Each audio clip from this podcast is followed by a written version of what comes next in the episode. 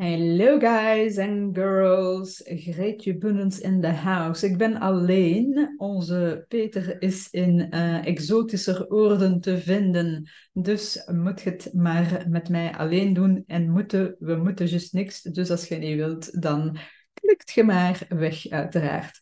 Dus onze morning call enkel met mij. En vandaag wil ik het eens hebben over intimidatie en mainstream media. Zeer interessant.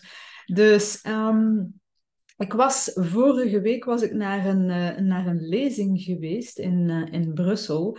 En dat was georganiseerd onder andere door de Erasmus Hogeschool. Die mensen, die proffen en studenten, hadden een onderzoek gedaan naar de mainstream media en dan meer bepaald naar de mensen die enerzijds niet meer de mainstream media volgen omdat ze afgehaakt zijn, de zogezegde afhakers, met de voornaamste reden dat zij vinden dat het allemaal te negatief is. Dus wie zijn de afhakers? Waarom haken ze af? Dus dat was de eerste groep waar dan men uh, zich eens over wilde buigen en eens kijken wie zijn die mensen, wat doen ze, wat drijft hen. Anderzijds hadden, we, uh, hadden ze dus een tweede groep en dat waren de wantrouwers. Dus de mensen die de mainstream media amper nog volgen omdat zij een totaal wantrouwen hebben in, uh, in die mainstream media. Hè? Of het nu de krant is of eh, de tv, whatever. Nu, um, die mensen haken dan af omdat er dus inderdaad een diepliggend wantrouwen is en denken oh, dat er uh, misschien te veel banden zijn tussen de overheid en, de, en, en dus de journalisten en dat er weinig ruimte is voor een echt open debat en meerdere stemmen. Dus dat waren de twee groepen die is onder de loep werden genomen door deze groep van studenten en de studie, daar werd een lezing over gegeven in, in Brussel. Ik ben daar dus naartoe gegaan. Um, de, um, de aanwezigen uh, waren enerzijds natuurlijk die proffen, waren ook in uh, de zaal een, een, uh, een hele hoop jonge studenten die voor journalist studeren. En dan hadden we um, ook nog een aantal kritische medemensen, dus die mensen die zich eerder in de groep van de afhakers of in de groep van de wantrouwers zich bevonden. Dus dat was de zaal. En op het podium had je een, een, uh, een vier, waren vier mensen aanwezig die een debat zouden voeren. En uh, dat waren onder andere de hoofdredacteur van uh, De Standaard. Dat was een uh, journaliste en ook een onderzoekster aan een universiteit in Nederland, die ook onderzoek doet naar dit fenomeen. Dan hadden we iemand die zich identificeerde als een afhaker en iemand die zich identificeerde als een wantrouwer. En ja, het debat mocht losbarsten. Nu, ik zelf, voor mocht je u afvragen, ja, tot welke groep zou Greet zich bevinden? Ik bevond mij, of ik bevind mij al heel vele jaren tot de afhakers, omdat ik uh, ja, mijn interesse in de, in de mainstream media al lang verloren ben. Um, voornamelijk met de reden, ik heb wel wat anders te doen dan elke keer naar het nieuws te luisteren of te kijken. Uh, als ik dan toch uh, informatie wil vergaren, dan ga ik dat doen over onderwerpen die mij interesseren. En dan is dat bijvoorbeeld via podcasts of audioboeken of een gewoon een boek gaan lezen. Over de onderwerpen die mij boeien gaat het over business, uh, maar ook over persoonlijke groei en dergelijke. Dus dat boeit mij veel meer uh, dan mijn tijd uh, te spenderen aan het luisteren naar het, uh, naar het nieuws op de zevende dag of whatever. Dus, ik heb al heel erg vele jaren mijn, mijn abonnement op de knak opgezegd.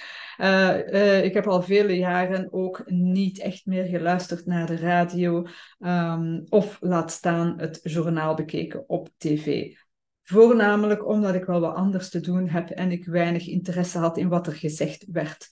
De laatste drie jaren ben ik geëvolueerd naar de kritische medemens, dus de eerder wantrouwige medemens wat betreft, uh, wat betreft mainstream media. Dus ik ben de persoon die uh, ja, toch het gevoel heeft gekregen, vanaf dag één eigenlijk bij de uitbraak van de coronacrisis, dat wat er ons verteld werd in um, de mainstream media, dat dat niet volledig klopte. En dat er nogal redelijk wat werd gecensureerd. En die twee dingen maakten dat ik bijzonder wantrouwig ben komen te staan ten opzichte van de mainstream media. Als ik toen uh, meer en meer mij begon te uh, informeren in de alternatieve media, dan ik dat er inderdaad altijd wel twee kanten aan het verhaal waren. Nu, vandaag de dag probeer ik dus inderdaad wel de twee kanten van het verhaal te luisteren. Dus ga ik wat vaker toch naar de radio luisteren um, dan dat ik dat vroeger deed. Maar dat is dan voornamelijk met de bedoeling om ja, die meerdere kanten van het verhaal te, te horen. Dus dat even gezegd zijnde over mij. Nu, waar dat ik het over wilde hebben, voornamelijk was... Um, ja, het, uh, een opmerking die er kwam tijdens het debat, of na het debat eerder. Dus je had natuurlijk, uh, ja, de, dus de hoofdredacteur van de, van de Standaard, die bepaalde zaken poneerde, waar dan bijvoorbeeld de kritische medemens Steven de Sangere niet zo vreselijk mee eens was. Um, er werden een aantal stellingen geponeerd uh, op dat podium, uh, waarbij er in de zaal af en toe gemopper of een, uh, een, ja, een kritisch of een sarcastisch lachje gehoord werd.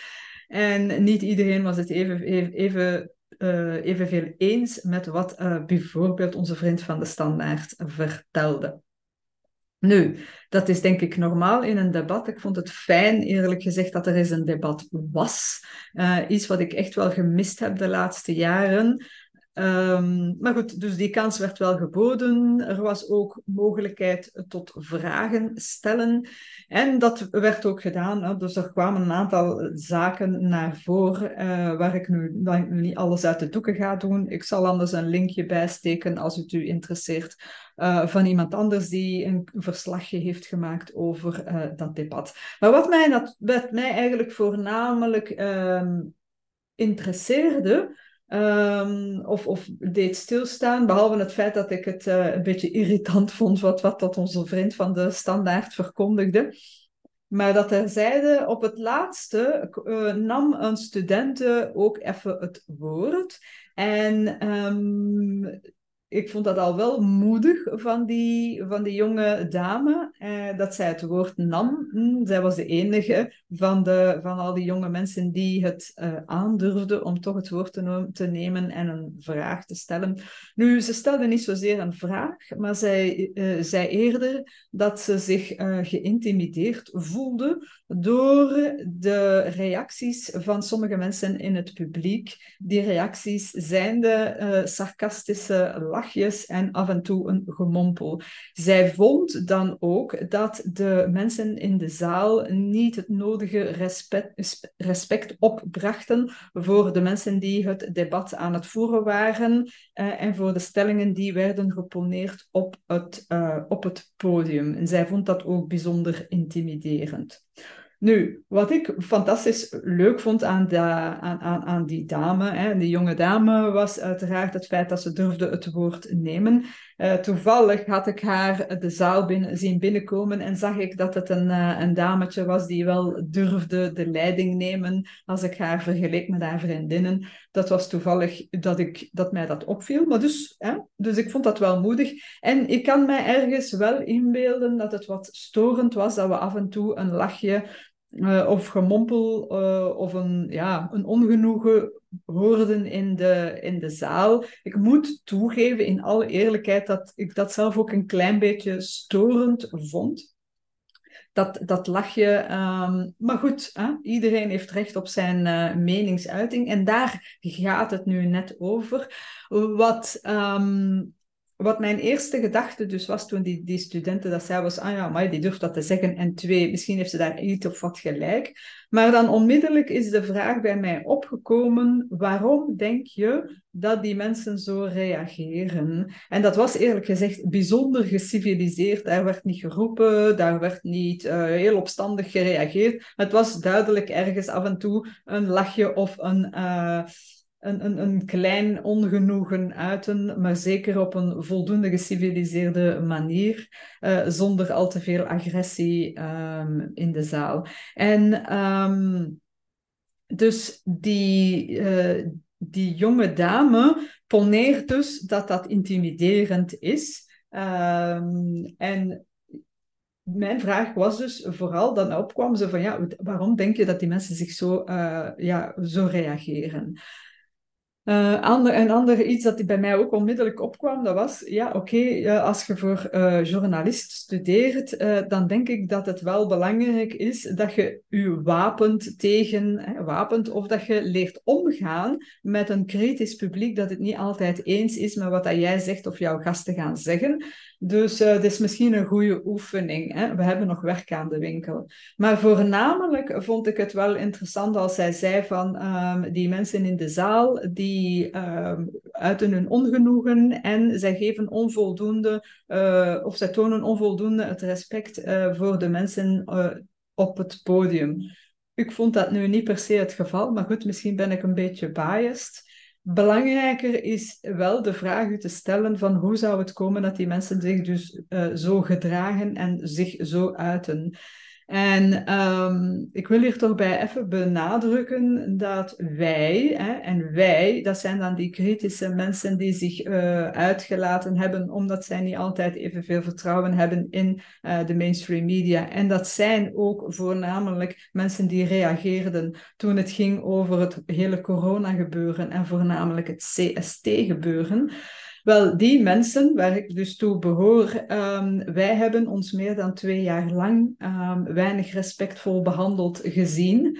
Um, wij hebben zelf ook niet het gevoel gehad dat wij met de nodige, uh, dat er, met, dat er onze, onze nodige aandacht werd gegeven en dat er een ruimte was voor debat. We werden uh, in een hoekje gedrukt van de extreemrechtse domme wappies.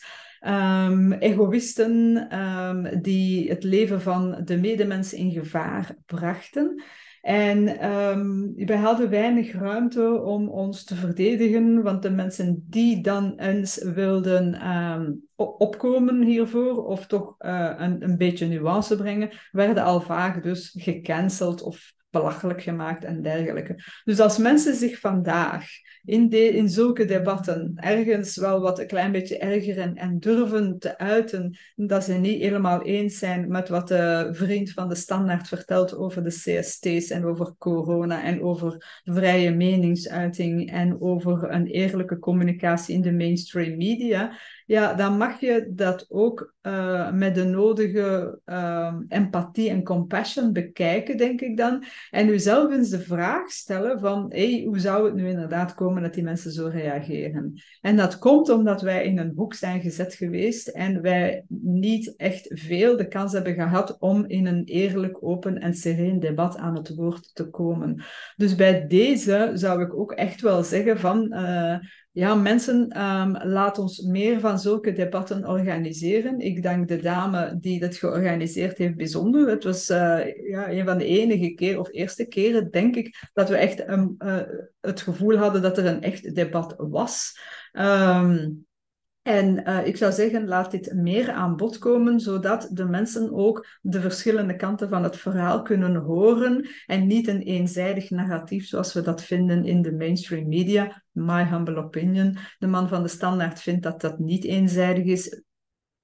Ik durf te denken dat dat toch vrij eenzijdig narratief was, waar weinig ruimte was voor debat spreek mij gerust tegen en haal gerust wat goede argumenten aan. Ik luister altijd graag. Dus bij deze zou ik ook echt wel willen een oproep lanceren om dit soort van debatten nog wat meer te gaan voeren. Uh, en inderdaad een sereen debat te voeren, zodat de mensen die zich twee jaar lang um, ja, in, een hoekje hebben gedrukt gevoeld of uitgesloten gevoeld van de maatschappij, dat deze mensen ook wel eens uh, kans krijgen om hun uh, gedachten te zeggen of hun mening te zeggen en zich te uiten. Misschien dan niet met een sarcastisch lachje, maar misschien wel met een goed onderbouwd, uh, met goede onderbouwde argumenten, zoals Steven de Sanger dat ook trouwens gedaan heeft, of zoveel mogelijk proberen te doen heeft in dat woelige debat.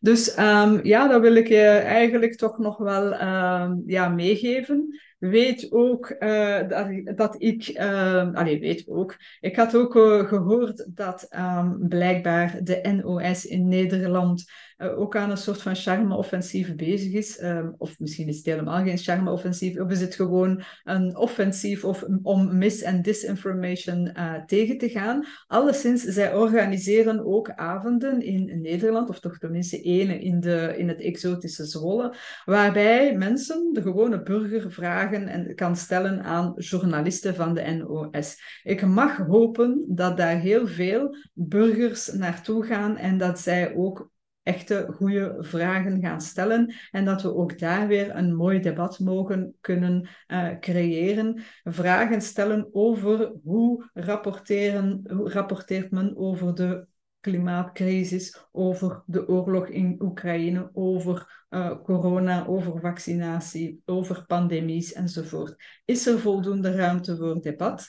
Uh, en ja, ik, ik heb de indruk zo tot nu toe van niet. Maar goed, uh, nogmaals, spreek mij zeker tegen. Ik kan het alleen maar aan, uh, aanmoedigen dat, die, dat de mensen van de NOS zulke avonden organiseren. Uh, en dat wij met z'n allen die vragen kunnen blijven stellen. Dus eerste oproep is dan ook, blijf dit organiseren. Twee, durf daar naartoe te gaan, durf uw vragen te stellen. Drie, blijf spreken. En vier, laten we wel met respect en empathie en compassion naar elkaar blijven kijken kijken en met elkaar omgaan. Het is op die manier dat we wat beter elkaar gaan leren kennen en onze beweegreden en wat maakt dat we misschien af en toe geïntimideerd zijn of misschien af en toe een uh, honend of sarcastisch lachje laten horen. Maar door beter begrip voor elkaar uh, hoop ik dat we kunnen streven naar een veel betere wereld. Ik ben benieuwd wat jij er allemaal van denkt. Ben jij, een,